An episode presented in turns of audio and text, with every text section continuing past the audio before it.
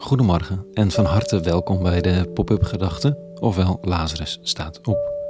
Ik ben Rico en ik schrijf overwegingen om de dag mee te beginnen. Vandaag met de titel De eenzaamheid. Pop-up Gedachten woensdag 16 maart 2022.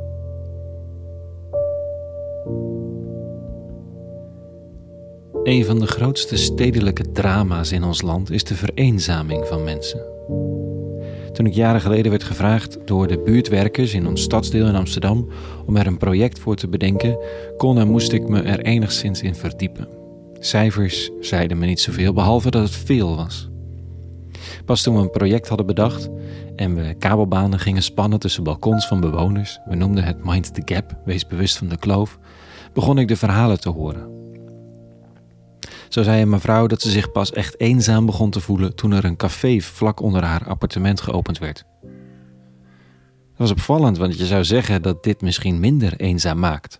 Al die reuring onder je raam, mensen in je straat. Maar niets is minder waar. Ze had zich waarschijnlijk minder eenzaam gevoeld in een hutje op de hei in haar eentje dan in haar appartement op Driehoog in die straat in Amsterdam West.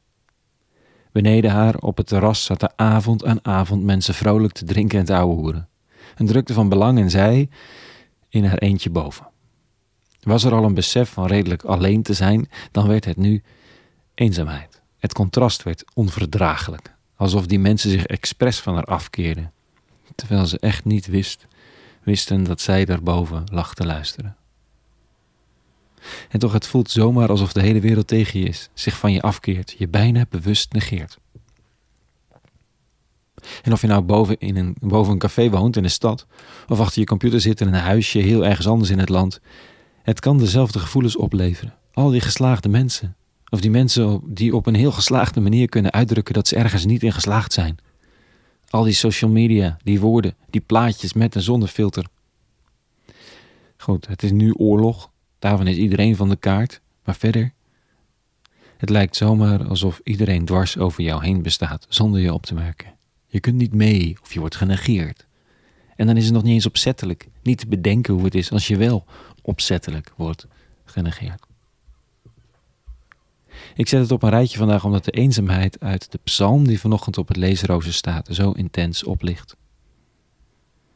Het is de eenzaamheid van de man van smart in de 40 dagen tijd de eenzaamheid van de dichter vele, vele jaren daarvoor. De eenzaamheid van de mens, die geborgenheid zoekt en dan hoopt die in de eeuwige te kunnen vinden. Want om diegene heen is er verder even niets. Dit staat er. Ik hoorde mensen die over mij fluisteren. Van alle kanten dreigt gevaar. Ze steken de hoofden bijeen en smeden plannen om mij te doden. Maar ik vertrouw op u, Heer. Ik zeg, u bent mijn God. In uw hand liggen mijn lot en mijn leven. Bevrijd mij uit de greep van mijn vijanden en vervolgers. Dit is later de realiteit van de rabbi uit het jaar nul. En bevrijding volgt er niet. Wel vertrouwen en overgave. In uw handen leg ik mijn geest. Niet eenvoudig om dit te geloven, dat er ergens handen zijn of een aanwezigheid aan wie je jezelf kunt toevertrouwen. Toch zal het ook voor sommigen jaloersmakend zijn als je dit gevonden hebt. En dit is er niet opeens, als bij toverslag als je het nodig hebt. Tenminste, meestal niet. Het is ook iets om te oefenen. Misschien wel juist als je niet je even eenzaam voelt. De momenten van stilte opzoeken, in de vroege ochtend of wanneer dan ook. En in stilte zoeken naar het vertrouwen dat je gezien bent en bedoeld, geroepen en dat er in je wordt geloofd omdat je bestaan belangrijk is. Zodat als je het gevoel hebt dat je voor niemand meer belangrijk bent, dat die ene stem dan blijft bestaan, de stem die het bestaan aan zich draagt. Even tot zover vanochtend. Een hele goede woensdag gewenst vandaag en vrede en alle goeds.